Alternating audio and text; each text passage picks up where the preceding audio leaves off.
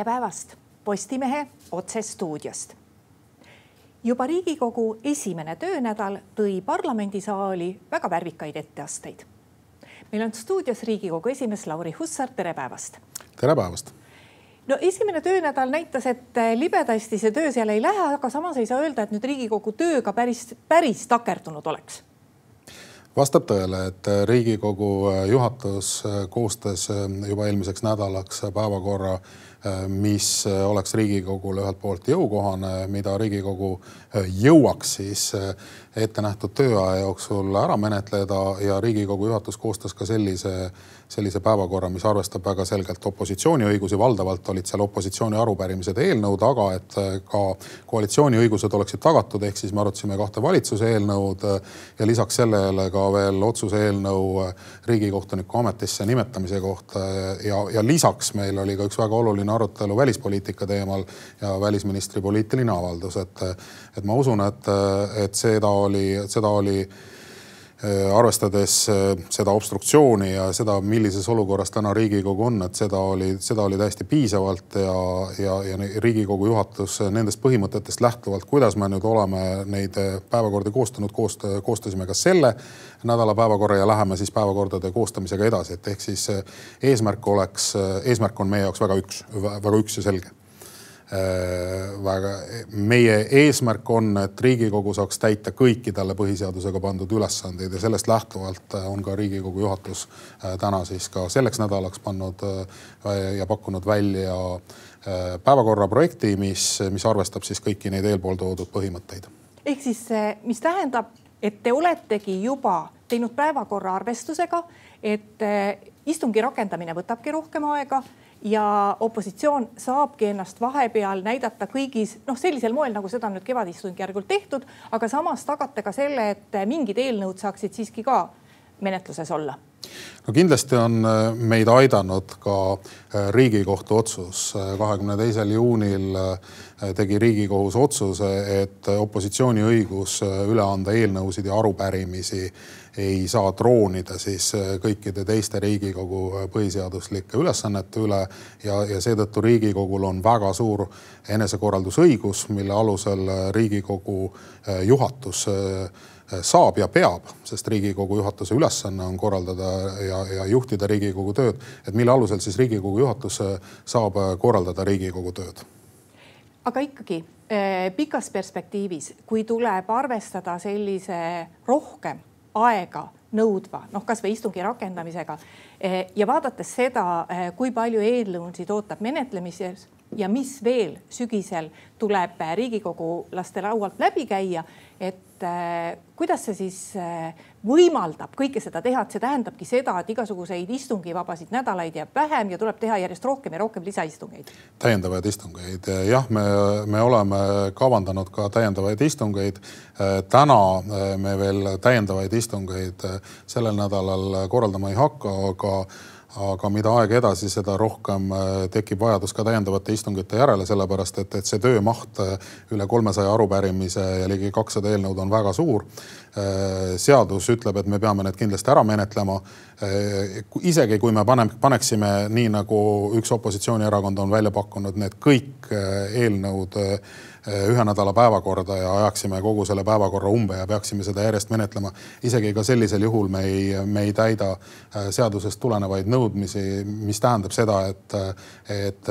et Riigikogu juhatus käsitleb seda väga selgelt reguleerimata eh, kodukorra küsimusena ja, ja vastavalt sellele me siis, siis olemegi leidnud sellise optimaalse lahenduse, et me menetleme, menetleme nii opositsiooni eelnõud, koalitsiooni eelnõusid, olulise tähtsusega riiklikke küsimusi aga kindlasti, kindlasti ka otsuse eelnõusid, mida äh, põhiseadus äh, on, äh, on Riigikogule pannud, et, et selleks, et, et see oleks, see oleks nii-öelda ühtse, ühtlaselt, ühtlaselt kõiki põhiseadusest tulenevaid ülesandeid arvestav. Eh, no sa ütlesid, et Riigikohtu kevadisest otsusest või kevadsuvisest otsusest oli palju kasu,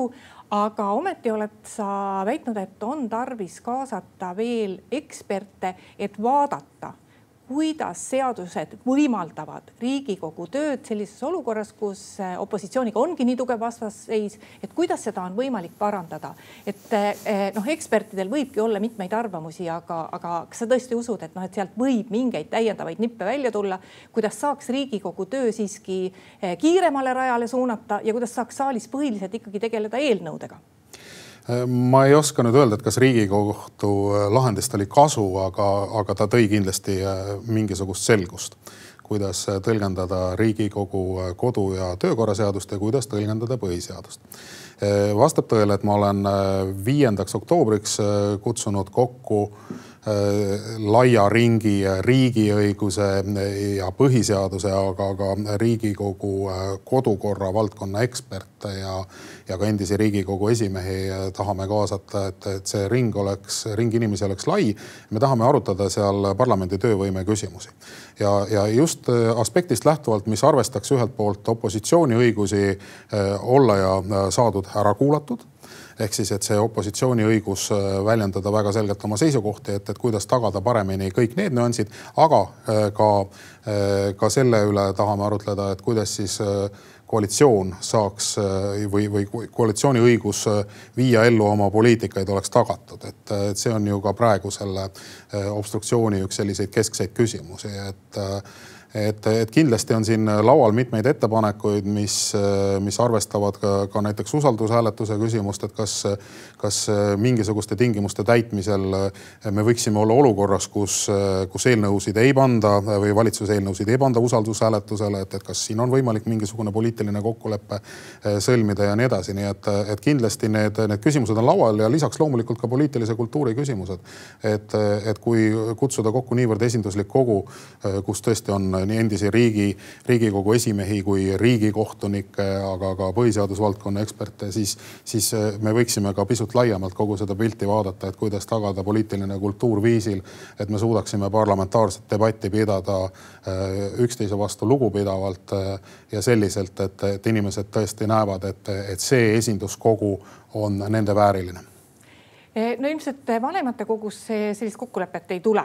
et neid reegleid vanematekogus ilmselt kokku leppida ei, ei anna. noh, eriti praegu, kui on teravalt tõusnud üles veel ka peaministri küsimus. muide, kui palju see üleüldse segab äh, opositsiooniga koostööd või toob veel täiendavaid karisid, et äh,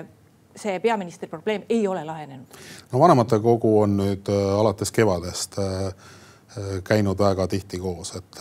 et kõige lähemal Ehm, mingile võimalikule lahendusele. Me olime juulikuus, kus vanematekogus jõuti seisukohale, et Riigikogu juhatus saadaks siis fraktsioonidele kirja, mis äh, mis esitab kolm küsimust ja, ja need olid seotud siis äh, ülemääraste eelnõude ja arupärimistega, mis on Riigikogu menetlusse antud, et milliste eelnõude ja arupärimiste puhul äh, ollakse kohe valmis, et need võetakse menetlusest tagasi, millistele arupärimistele ollakse valmis kirjaliku vastusega ja mida tuleks kindlasti saalis menetleda. et, et ma riigikogu esimehena eeldasin tõepoolest, et, et, et see ettepanek on, oli sisuline ja et sellele ka reageeritakse sisuliselt, et kahjuks mitte ükski riigikogu opositsioonifraktsioon sellele, äh, sellele vähemalt viisil, äh, kuidas me küsisime, ei reageerinud. Nad ütlesid, et, et obstruktsioon jätkub ja et aga selleks oleks tarvis saavutada kas siis poliitiline kokkulepe ja poliitiline kokkulepe peab tulema erakonna esimeeste kokkusaamiselt. lisaks siis veel üks fraktsioon ütles väga selgelt, et nemad tahavad üleüldse kõikide kevadel langetatud otsuste tagasipööramist, mis on siis alus üleüldse selle obstruktsiooni lõpetamiseks, et ehk siis seal oli seda läbirääkimise kohta väga-väga vähe. ja, ja kindlasti on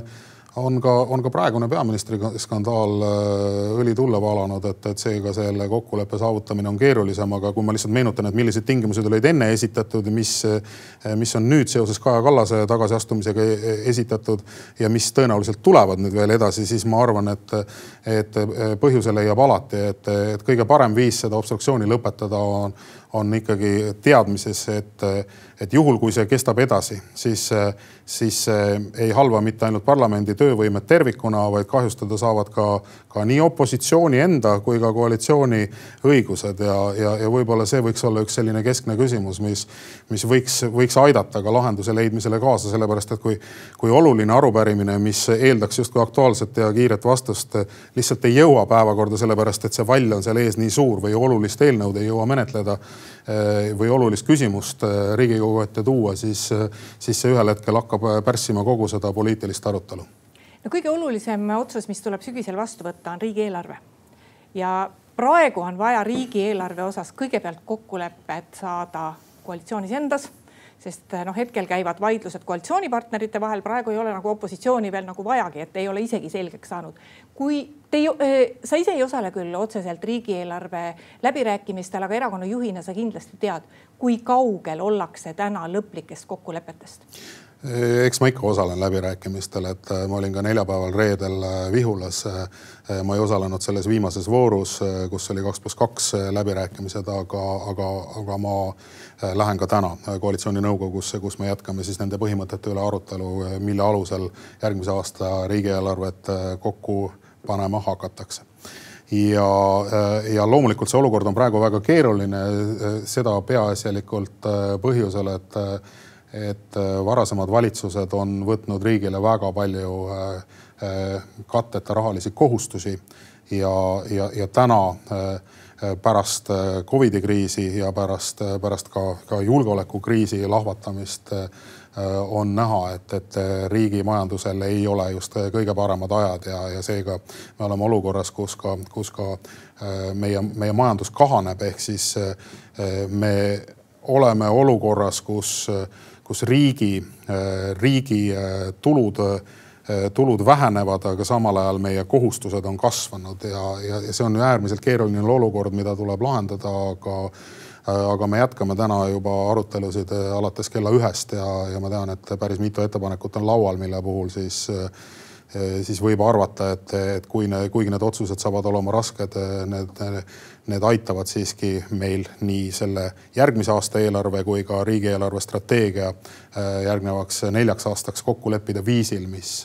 mis aitab e-, Eesti elu edasi viia, et, et see on, see ongi meie tänane keskne küsimus no avalikkuses paistab küll, et keegi ei taha oma prioriteetidest loobuda, et täpselt samamoodi, et Eesti kakssada on öelnud, et õpetajate palgatõus ja kõrghariduse rahastamine on teie prioriteet ja tegelikult teie minister ju väga innukalt võitleb selle eest, täpselt samamoodi võitlevad teised erakonnad oma tahtmiste eest. et kui kõik jäävad selle oma tahtmise juurde, siis kokkulepet ju ei sünni, et kes ja kui palju peab järele andma ja kui palju Eesti kakssada on valmis järele andma ja kuskohast? Eesti kakssada kindlasti on juba järele andnud ja Eesti kakssada arutle, arutleb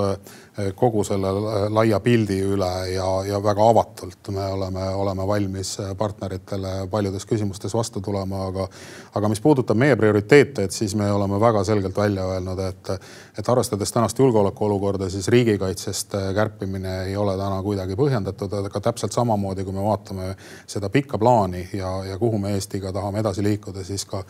siis ka hariduse ja hariduskulude kärpimisel ei ole täna mitte mingisugust õigustust, sellepärast et, et kõige parem majanduspoliitika on hea hariduspoliitika ja, ja, ja me oleme just äsja teinud need väga olulised otsused, mis aitavad Eesti haridust edasi viia, alates ühtsest Eesti koolist, ka õpetajate palga tõstmisest, kõrghariduse rahastamisest ja nii edasi, et me, me ei tohi täna siin, siin järeleandmisi teha, sellepärast et see on meie, meie, meie tuleviku ja eduka tuleviku võti ja, ja, ja see on see, mille eest Eesti kakssada seisab ja see ei ole ainult mitte Eesti kahesaja küsimus, see on, see on terve Eesti küsimus. et täpselt samamoodi nagu riigikaitse on, on terve Eesti küsimus, on ka, on ka hariduse eest seismine, aga ka loomulikult meil on prioriteete rohkem, mille eest me seisame. et, et kõik on täna aru saanud sellest, et ilma ilma personaalset riiki ehitamata ja ilma personaalse riigi baasil ka seda nulleelarvet läbi tegemata on väga keeruline Eesti riiki äh, tulevikus efektiivselt valitseda ja sellepärast äh, kõik on aru saanud, et, et need reformid on hädavajalikud ja sinna on vaja leida lisavahendeid, et, et see, see on, see on küll üks väga selge ja ühene seisukoht, mida, mida nii meie kui ka koalitsioonipartnerid on, on, on üheselt äh, väljendanud ja millest on ka aru saadud. Samas kusagilt tuleb ju kärpida, et on öeldud, et neid kohti on leitud, aga neid ei ole avalikkusele välja öeldud, et kas neid kohti on siis leitud või noh, ma ei kujuta küll ette, et te võtaksite praegu otsuse vastu, et noh, et võtame veel elamiseks laenu, et see on, see on ilmselt välistatud. aga siiski, et kusagilt ju tuleb eh, kärpida. kärpekohad on, on ka leitud, et, et rahandusministri laual on päris ulatuslik pakett ka kärpekohtadega, aga lisaks sellele loomulikult arvestades, et et, et see, see tulu, meie tulude miinus on nii palju suurem, siis äh, on seal ka arutelu all ka, ka maksustruktuuri muudatused. Äh, lisaks äh, loomulikult me, me räägime ka võib-olla riigi, riigi ülesannete ülevaatamisest ja nii edasi, nii et, et kõik need teemad on, on täna laual, aga, aga ma ei hakkaks siin, arvestades, et läbirääkimised käivad, et ma ei hakkaks küll mitte ühtegi teemat välja tooma kas täiendavad maksud, konkreetsed maksud, millest ei ole räägitud, eh, kui tõsiselt need laual on? ei, vastab tõele, et me oleme, me oleme väga laial eh, rindel arutlenud eh, kõikide lahenduste üle, aga kindlasti me peame arvestama ka seda, et, et millises seisus on täna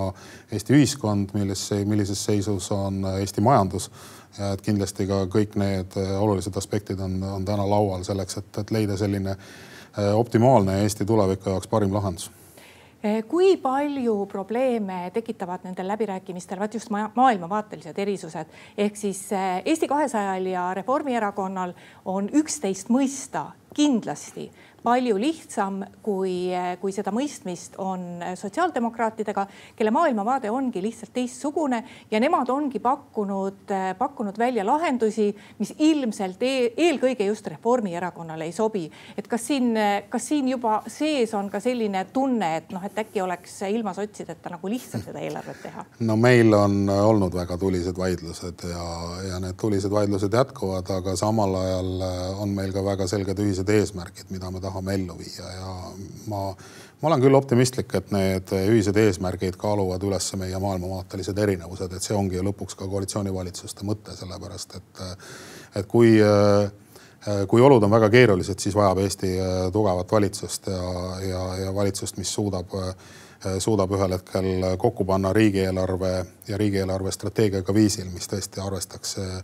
Äh, nii Eesti tänast päeva, Eesti inimese vajadusi, aga ka arvestaks seda, et, et kuhu me teel oleme ja millised on meie tulevikuvajadused. kui palju on võimalik äh,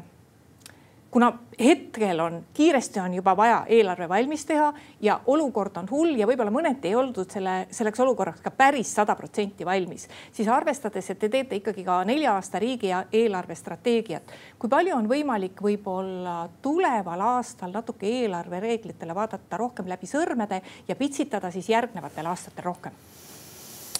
See äh, pikas perspektiivis, kui me nüüd tahame eelarvereegleid lõdvendada, et see nõuab äh, loomulikult siis äh, riigieelarve baasseaduse muutmist, et täna seda otsust me teinud ei ole ja, ja, ja seda ka põhjusel, et, et lisaks nendele reeglitele on meil veel ka Euroopa Liidu poolt kehtestatud väga selged, väga selged reeglid, mida me, mida me oleme kohustatud järgima ja mida Euroopa Liit Äh, nüüd äh, pärast, pärast Covidi ja julgeolekukriisi hakkab jälle kontrollima ja seega meil on ikkagi väga oluline, et, et me, et me suudaksime nendes eelarvereeglite raamides ka püsida ja, ja miks see on oluline, et, et kui ma siin kuulen ka järjest rohkem neid lauseid, et me võiksime ju laenu võtta, me võiksime nüüd hästi palju laenu võtta ja, ja sellega katta kõik riigi vajaminevad kulutused, et siis kui kui me näeme, et, et, et, et laenuraha on niivõrd palju kallimaks muutunud ja, ja me sellises ka, ka lühikeses ja keskpikas perspektiivis ei näe, et see laenuraha väga palju odavneks, et, et siis sellistest tingimustest lähtuvalt äh, hakata veel rohkem laenama, et, et see on kindlasti vastutustundetu ja me laename ka täna, sellepärast et kui meie eelarve miinus on siin ütleme kaks-kolm protsenti. kui me midagi ei muuda, siis, siis ta võib olla ka oluliselt üle kolme protsendi sisemajanduse kogutoodangust, siis, siis ne, selle selle puudujäägi me peame katma ju täpselt samamoodi laenurahaga, mis tähendab seda, et me oleme sattumas sellisesse Kreeka spiraali, mille puhul me peame järjest rohkem hakkama tagasi maksma ka laenu. ja, ja, ja kahjuks prognoos juba järgmiseks aastaks on see, et me peame hakkama tagasi maksma intress summas, mis, mis võrdub ühe protsendiga sisemajanduse kogutoodangust ja, ja sellisena kindlasti Eesti riigi pidamine ei ole jätkusuutlik. Millal on viimane tärmin, kui tuleb mingile kokkuleppele jõuda, sest tegelikult normaalse ajagraafiku järgi peaks peaminister Riigikogule tuleva aasta riigieelarve üle andma järgmisel nädalal. kas te jõuate? Neid olukordi, kus, kus päris täpselt ei ole ka nendest, nendest tähtaegadest kinni peetud, et neid on olnud ka varem, aga, aga meil on aega veel, et me, me kindlasti läheme täis tahet äh, nendele läbirääkimistele